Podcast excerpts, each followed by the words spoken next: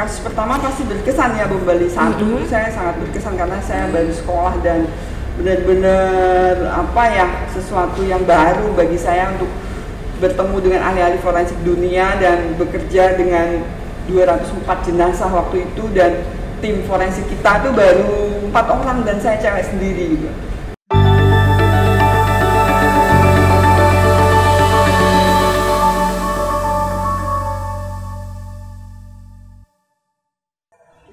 Sobat Polri, saya Okta. Selamat bergabung bersama saya dalam podcast perdana Polri Sini Jateng. Aku sedulurmu. Nah Sobat Polri, dalam podcast perdana kali ini telah hadir bersama saya narasumber yang istimewa yaitu Kombes Pol Dr. Dr. Subihastri Purwanti DFM SPF. Wah ini sudah terlihat sepak terjang beliau yang gemilang dari titel yang tercantum ya Sobat Polri ya. Langsung saja kita sapa beliau. Selamat pagi Ibu. Pagi Mbak, Sehat selalu ya dokter ya. salam sehat. Salam sehat. Nah, Sobat Polri, dalam beberapa menit ke depan akan saya kulik secara tuntas siapakah beliau ini, bagaimana sepak terjang beliau, suka duka dan tentunya edukasi untuk kita semua ya dok ya. Iya. Untuk awal-awal nih dok, tak kenal maka tak sayang ya dok ya. Eh, berkenan saya bacakan terlebih dahulu se- secara singkat siapakah dokter Hastri ini. Beliau lahir di Jakarta Agustus 1970. 1997 lulus S1 Fakultas Kedokteran Universitas Diponegoro dan 1998 langsung mengikuti sekolah perwira prajurit karier Polri. Benar ya Ibu ya? Dan hingga sekarang berarti 23 tahun telah mengabdi menjadi anggota Polri ya Ibu ya. Padahal saya saja baru 25 tahun sobat Polri. Kemudian dokter tidak hanya itu 2002 hingga 2005 menempuh jenjang S2 bidang studi kedokteran forensik di Undip. Iya. Dilanjutkan langsung S3 di Universitas Erlangga, cum laude dokter ya. Itu tahun 2012 sampai Oh. tahun 2014. Wow, hebat sekali dokter. Respect sekali saya sama kepada dokter ini. Perjuangannya beliau ini baru awal opening, sudah banyak hal yang ingin saya kulik dari dokter Hastri ini, dokter izin. Dan mungkin sedikit diceritakan dokter Hastri eh, bagaimana karirnya dokter Hastri ini, kemudian tentang dokter Hastri hingga hobi, bagaimana dokter? Hobi. Siap. Oh ya, kebetulan saya lahir dari keluarga biasa aja dan waktu Iya. lulus dokter saya mikir mau kerja di mana nih dan pengen kerja yang pasti disiplin jadi saya masuk bergabung di SPA PK Polri dan Oh. waktu tes psikologi ya arahnya ternyata di kepolisian dan seneng waktu ditugaskan pertama di Poltabes diajak sama Kasat Reskrim ke TKP pembunuhan. Setelah itu rasanya ada sesuatu yang memanggil ya. Jadi karena Kasat Reskrimnya bilang kalau mau spesialis lebih eh, tinggi lagi ilmunya belajar ilmu forensik mbak karena dibutuhkan oleh Polri. Oh. nah dari situ saya langsung mendaftar dan didukung oleh Mabes. Dan dinilai agak aneh karena kan perempuan poluan dan Iya. ternyata saya pertama kali itu jadi dokter forensik poluan Wah, pertama ya, Dok ya. Iya. sampai waktu itu ingat juga Kapolda sampai menanyakan bener nih serius gitu seperti itu. Hmm. Dan setelah saya melahirkan anak kedua tahun 2002, saya langsung sekolah spesialis forensik di Undip. Oh. Setelah itu terus terus Lanjut, sampai lanjut. ya sampai seluruh hampir seluruh kejadian bencana di Indonesia saya terlibat. Oh, kiprah dokter ini berarti besar sekali di bidang forensik dan tadi berarti poluan pertama ahli forensik di in- se-Indonesia ya dokter ya, benar ya Iya. dokter ya. Dan Siap. ternyata saya ngambil S3, Mhm. media itu bilang sekarang dokter poluan forensik satu-satunya di Indonesia. Oh, hebat sekali sobat belum ada yang Polri. sekolah lagi Iya. untuk S3 kan. Oh wow, dan mungkin boleh sharing kepada kami dokter sepak terjang dokter di bidang tersebut, gambaran mungkin tentang forensik dan eh, saya dengar itu forensik dengan autopsi berbeda ya dokter ya, mungkin bisa dibantu beberapa ada sobat Polri yang masih awam terhadap hal tersebut dokter. Jadi saya tuh spesialis forensik ya atau uh, saya menggunakan ilmu kedokteran forensik itu adalah ilmu kedokteran yang dipergunakan untuk kepentingan peradilan atau Hmm. untuk gunanya untuk penegakan hukum juga. Selain memang untuk memeriksa jenazah, kita juga ada forensik klinik untuk membantu uh, korban-korban dari kekerasan rumah tangga, bahkan sekarang kekerasan seksual meningkat, bukan hanya perempuan aja terhadap Iya, anak-anak iya, juga. benar. dan di situ memang masyarakat harus tahu jadi domainnya kedokteran forensik itu nggak hanya otopsi aja loh Oh. kita juga bisa memeriksa misalnya eh, ini betul nggak misalnya ada video atau foto yang dikira legal atau Lebih rinci berarti ya, dokter. kita periksa nanti yang diduga ada di dalam foto atau video identifikasinya bagaimana? Itu kan anatomi tubuh itu lari ke kedokteran forensik juga. Oh. dari CCTV oh memang dia itu ternyata penyidik nggak bisa mengungkap ya. Ternyata dia pencuri kendaraan motor. Tapi dari CCTV kita lihat oh ya memang dia ciri-cirinya ini. Misalnya tangannya lebih panjang atau ada bekas tato. Karena saya pernah menangani kasus itu. Jadi dia tidak bisa mengelak kan gitu. Walaupun wa- kelihatan dari atas gitu itu bisa dituangkan di eh, visum et repertum sesuai permintaan polisi gitu. itu kan masuk ke alat bukti jadi Oh, rumit tapi tepat ya dokter ya berarti ya untuk Ya, forensik betul. sendiri itu. Dan memang sebelum kita periksa dari laboratorium forensik menentukan juga ini asli atau tidak foto Oh. atau video tersebut. Jadi sebenarnya luas sih kedokteran forensik. Dan memang eh, ke- masyarakat taunya itu untuk meriksa jenazah aja, identifikasi aja. Di situlah memang kita harus cepat-cepat memeriksa, menilai dan mengotopsi jenazah tersebut. Tapi saya sering atau jarang bilang otopsi karena masyarakat takut Iya. ya hanya periksa luar dan dalam Oh, iya, dokter. tersebut gitu. Kan ini apa uh, definisi Iya benar. Dan untuk ini nih dok, ada trending topik perbincangan hangat yang Iya. akhir-akhir ini lagi booming. Itu tentang kejadian terbaru lapas kelas 1 Tangerang ya dok ya. Iya, Itu kita semua sudah baru tahu. iya. Itu bagaimana penanganannya dokter? Mungkin adakah sih dokter terhadap kasus tersebut dan Iya. apa bagaimana penanganannya? Ya karena saya udah berdinas di Jawa Tengah, saya sempat kemarin tiga tahun sebagai kepala instalasi forensik rumah sakit Polpus. Jadi Wow. ya, rasanya pengennya ke sana gitu kan. Iya, Gimana di sana, tapi teman-teman tim sana udah kuat. Paling eh, kita bantu kalau kesulitan apa, oh harus diperiksa ini, diperiksa ini karena memang hampir seluruhnya karena ada luka bakar dan kita Oh. harus menentukan juga nih luka bakar itu murni karena kebakaran itu atau ada Iya. sesuatu lain itulah kepentingannya untuk penyidikan dan di kedokteran forensik kan jadi harus tahu dan kita harus periksa lengkap gitu. Dan sementara memang identifikasi dulu yang penting. Karena tanpa teridentifikasi kan kita nggak tahu apakah dia memang napi yang ada di situ atau karyawan atau penjaga seperti itu. Di mana pun kalau ada jenazah meninggal tidak wajar kan kita harus Iya. lihat dulu. Hmm, benar. siapa sih dia gitu kan? Kalau udah tahu dia kan tinggal bilang penyidiknya baru penyidik kan cari oh yang ter- terakhir atau eh, pergi sama dia sebelum dia meninggal itu siapa kan ketahuan gitu kalau belum teridentifikasi memang sulit seperti kasus lapas ini Oh gitu ya dok. jadi harus jelas dan memang teman-teman di Jakarta Iya. khususnya tim DVI-nya juga sudah sudah mumpuni lah sudah mapan dan beberapa kali kita diundang ke luar negeri untuk ngajar loh Oh pernah ke luar negeri Iya, juga dokter? sering kalau saya dulu Contohnya mungkin kemarin Ya. bisa diceritakan kepada kami. ya waktu kasus di Australia kebakaran hutan di Australia Oh, waktu di Australia, terus eh, baru-baru ini. pesawat MH17 di Belanda itu Oh, keren sampai ke. Belanda juga. iya terus pelatihan-pelatihan di Thailand di Malaysia di Brunei itu kita memberi pelatihan polisi sana tentang DVI Wow. memang DVI adanya di kepolisian karena Iya. kan. Untuk identifikasi Mhm. manusia kan domain kita kan polisi sebenarnya kan identifikasi kan tugasnya Iya, termasuk betul. tubuh jenazah ini manusia ini Hmm. jadi tidak mengidentifikasi rangka mobil atau apa manusia Berarti juga khusus- gitu. oh iya, kadang kan terkhusus. tuh teman-teman kenapa sih DVI harus di kepolisian lah memang tugasnya polisi untuk identifikasi Iya, masuk akal dokter. Iya.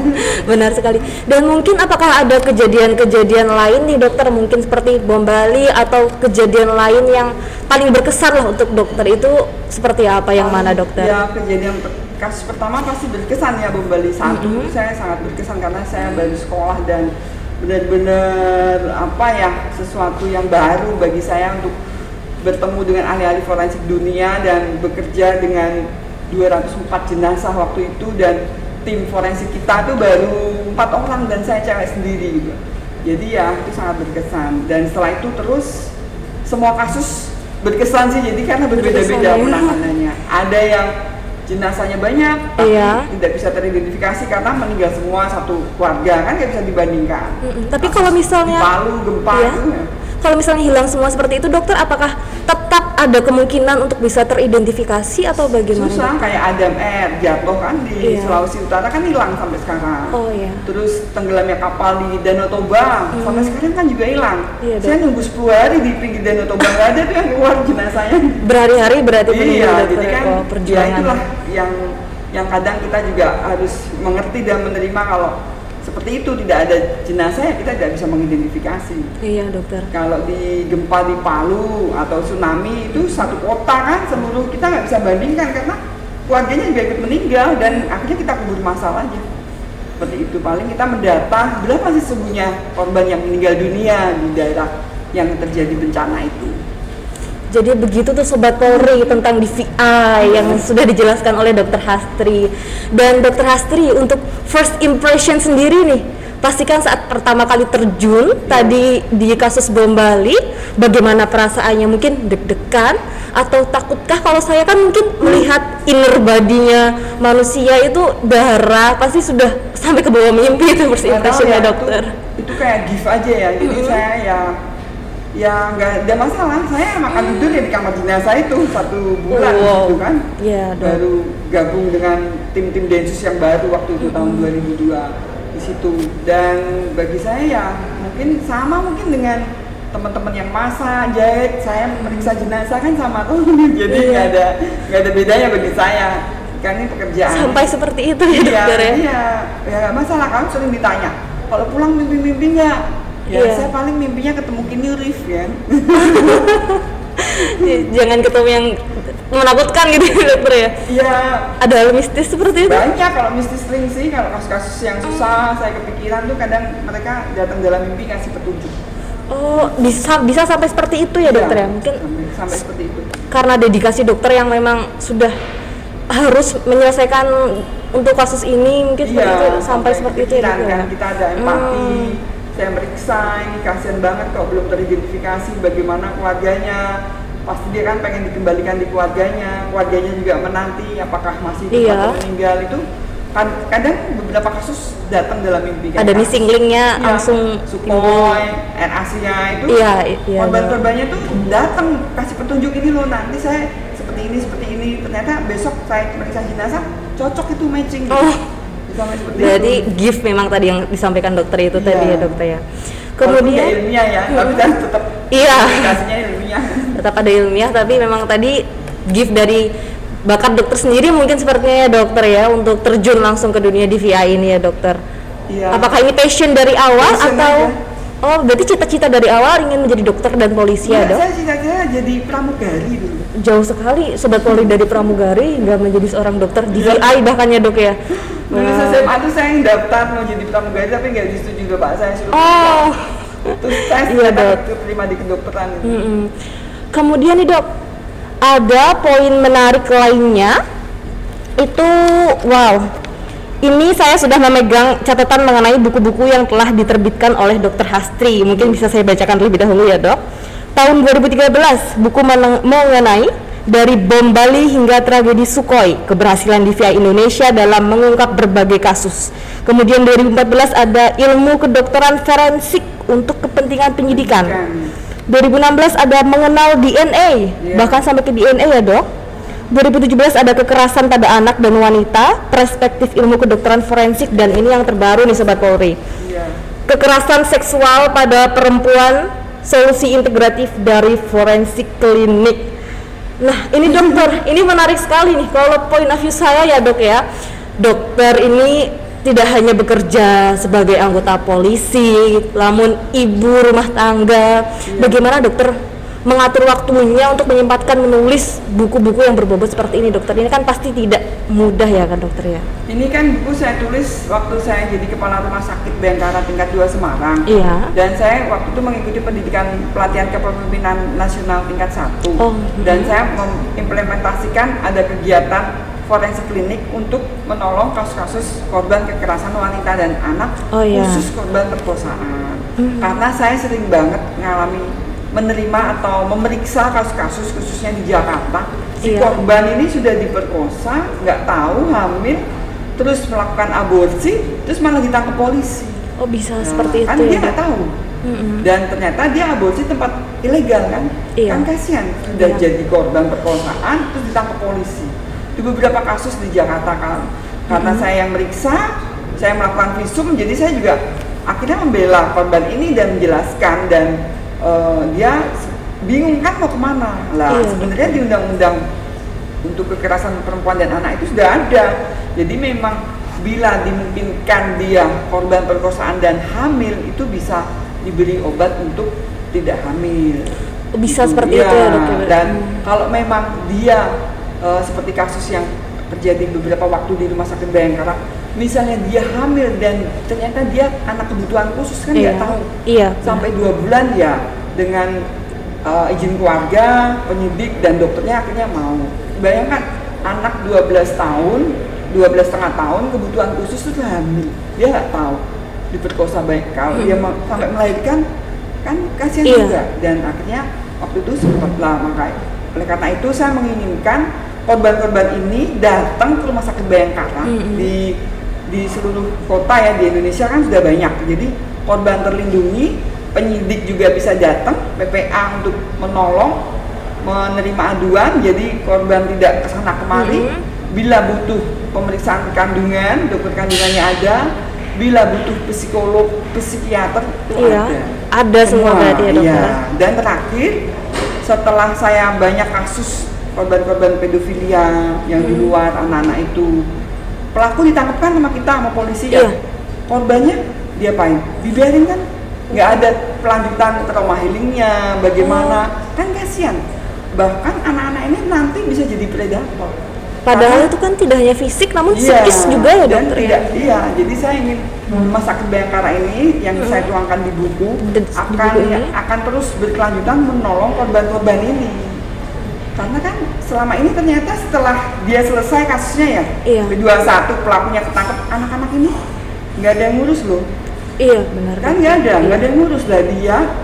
Saya melakukan pertanyaan atau tanya jawab dengan pelaku-pelaku itu ternyata dia dulu juga korban dari perkosaan. Oh banyak yang seperti itu. Nah, saya jadi bayangin nanti anak-anak ini akan bisa terjadi loh. Iya, Jadi pelaku kalau tidak kita bantu. Iya dokter. Maka saya tuangkan di buku ini bagaimana Semuanya komplit. ya harus bagaimana gitu dan penanganannya yang komprehensif Hmm. seperti itu. Sobat Polri ini terbaru nih Sobat Polri perlu dicatat jadi untuk korban-korban semuanya pasca itu trauma healing dan lain-lain sebenarnya tidak tidak ada yang dibiarkan tapi Polri sebenarnya sudah mempunyai Iya. semua eh, tempat untuk trauma healingnya Iya, dan lain-lainnya kita iya. semua sudah siap ya dokternya Betul, iya. ya Sobat Polri ini perlu dicatat karena ini penting sekali awareness dari kita ya Iya.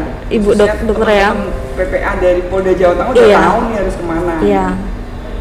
Nah, kemudian ini Bu, terkait dengan tadi yang masih dalam konteks yang kita perbincangkan. Pemerkosaan sendiri itu kan masih banyak stigma di luar. Iya. Itu dikarenakan perempuannya lah yang menggunakan pakaian minim, pakaian terbuka. Padahal kan faktanya tidak hanya terjadi pada perempuan yang berpakaian minim namun tertutup bahkan berkerudung berjilbab seperti itu ya dokter ya. Bisa ya. Bahkan laki-laki juga sekarang kan Laki-laki pun menjadi Iya, korban. Iya. Makanya Iya, kan dokter. Di situlah Seperti yang di luar negeri. forensiknya bagaimana. Iya. Dan korban jadi tidak jangan merasa takut, malu Mhm. karena dia jadi korban itu loh. Jadi kita memang harus dari diri sendiri harus sadar dan aware terhadap Iya. diri dan lingkungan untuk mengurangi efek-efek dan dampak-dampak seperti itu ya dokter ya. Iya. Ini bagus sekali sobat Polri. Kemudian nih dokter, ini yang penting untuk saya tanyakan. Dengan banyaknya kiprah dokter dalam berbagai bidang di kedokteran khususnya di kepolisian, apakah ada support dari keluarga atau bagaimana dokter? Oh iya, tanpa support keluarga saya nggak bisa mungkin se apa ya se, sampai di sini Iya. kiprah saya, tugas saya dan ya alhamdulillah eh, disupport dan anak-anak sudah kuliah juga dan baik-baik semua maksudnya nggak ada masalah gitu. Karena kan waktu dokter pasti padat sekali ya dokter ya. Iya waktu Tapi semua support. waktu saya sering sekolah tugas itu mungkin setahun dihitung tiga bulan di rumah kali ya. yang 8 bulannya di luar Wow. Takjub ini sobat Polri. Kemudian nih sebelum menuju akhir dokter, untuk impian terdepan dokter Hastri sendiri apa nih kalau saya dan sobat Polri boleh tahu? Impian, cita Iya, iya. Untuk ke depannya, Oh, iya. Boleh apa saja dokter? Keluarga tetap baik-baik. Amin. Anak-anak saya bisa apa mencapai cita-citanya. Ah, iya. Dan saya memang punya mimpi, saya pengen jadi kabasarnas perempuan pertama. Oh, amin dokter, saya doakan. Anak-anaknya apakah menuju ke jurusan seperti dokter Iya, juga yang di VF Forensik? calon dokter, tahun depan Oh. dokter. Yang nomor dua masih perempuan kuliah di teknik di ITB. Wow. Keren nih Sobat Polri, jadi satu keluarga ini perlu kita contoh Sobat Polri harus tetap semangat ini. Kemudian nih dokter, terakhir, nah sudah menuju terakhir Sobat Polri. Padahal sepertinya saya masih banyak yang, ya? iya, baru dan masih banyak yang ingin saya tanyakan loh. Nah ini sebelum kita mengakhiri podcast dokter, boleh disampaikan mungkin sepatah dua patah kata, motivasi atau pesan kepada masyarakat Indonesia khususnya Sobat Polri yang sudah join podcast ini dokter? Ya kalau saya sendiri saya tidak mau berhenti untuk belajar dan menolong sesama. Udah itu Ya. aja. Dan biarkan energi positif itu ngalir ke kita dan keluarga kita. Itu aja. Wow, Karena ternyata memang tanpa disadari dengan keikhlasan kita menolong itu ternyata kembali kembali ke kita dan keluarga kita. feedbacknya ada Iya. rasa gitu ya dokter Ya ya. itulah keikhlasan yang sesungguhnya tanpa kita minta. Hmm, bagus sekali sobat Polri. Dokter, tidak terasa ternyata sudah di penghujung waktu. Terima kasih banyak Dokter Hastri atas waktunya telah berkenan hadir di momen berharga, momen perdana podcast Dokter. Iya. Saya sungguh bahagia ini perdana sudah mendapatkan narasumber yang gemerlang seperti beliau wanita hebat di Indonesia loh ini satu-satunya loh di VI kedokteran kepolisian dokter ya Iya, sekali lagi saya mengucapkan terima kasih dokter atas waktunya dan nah sobat Polri sudah cukup puaskah dengan kehadiran dokter Polri hari dokter Hastri hari ini? Atau masih penasaran apalagi yang akan kita kulik selanjutnya? Banyak kasus. banyak tentunya. Eh, ditunggu ya sobat Polri ya. Thank you for join. Jangan lupa like comment and subscribe. Boleh bersama saya dokter Hastri? Polisi nih Jateng. Polisi ini Jateng. iya aku Aku sedulurmu terima kasih dokter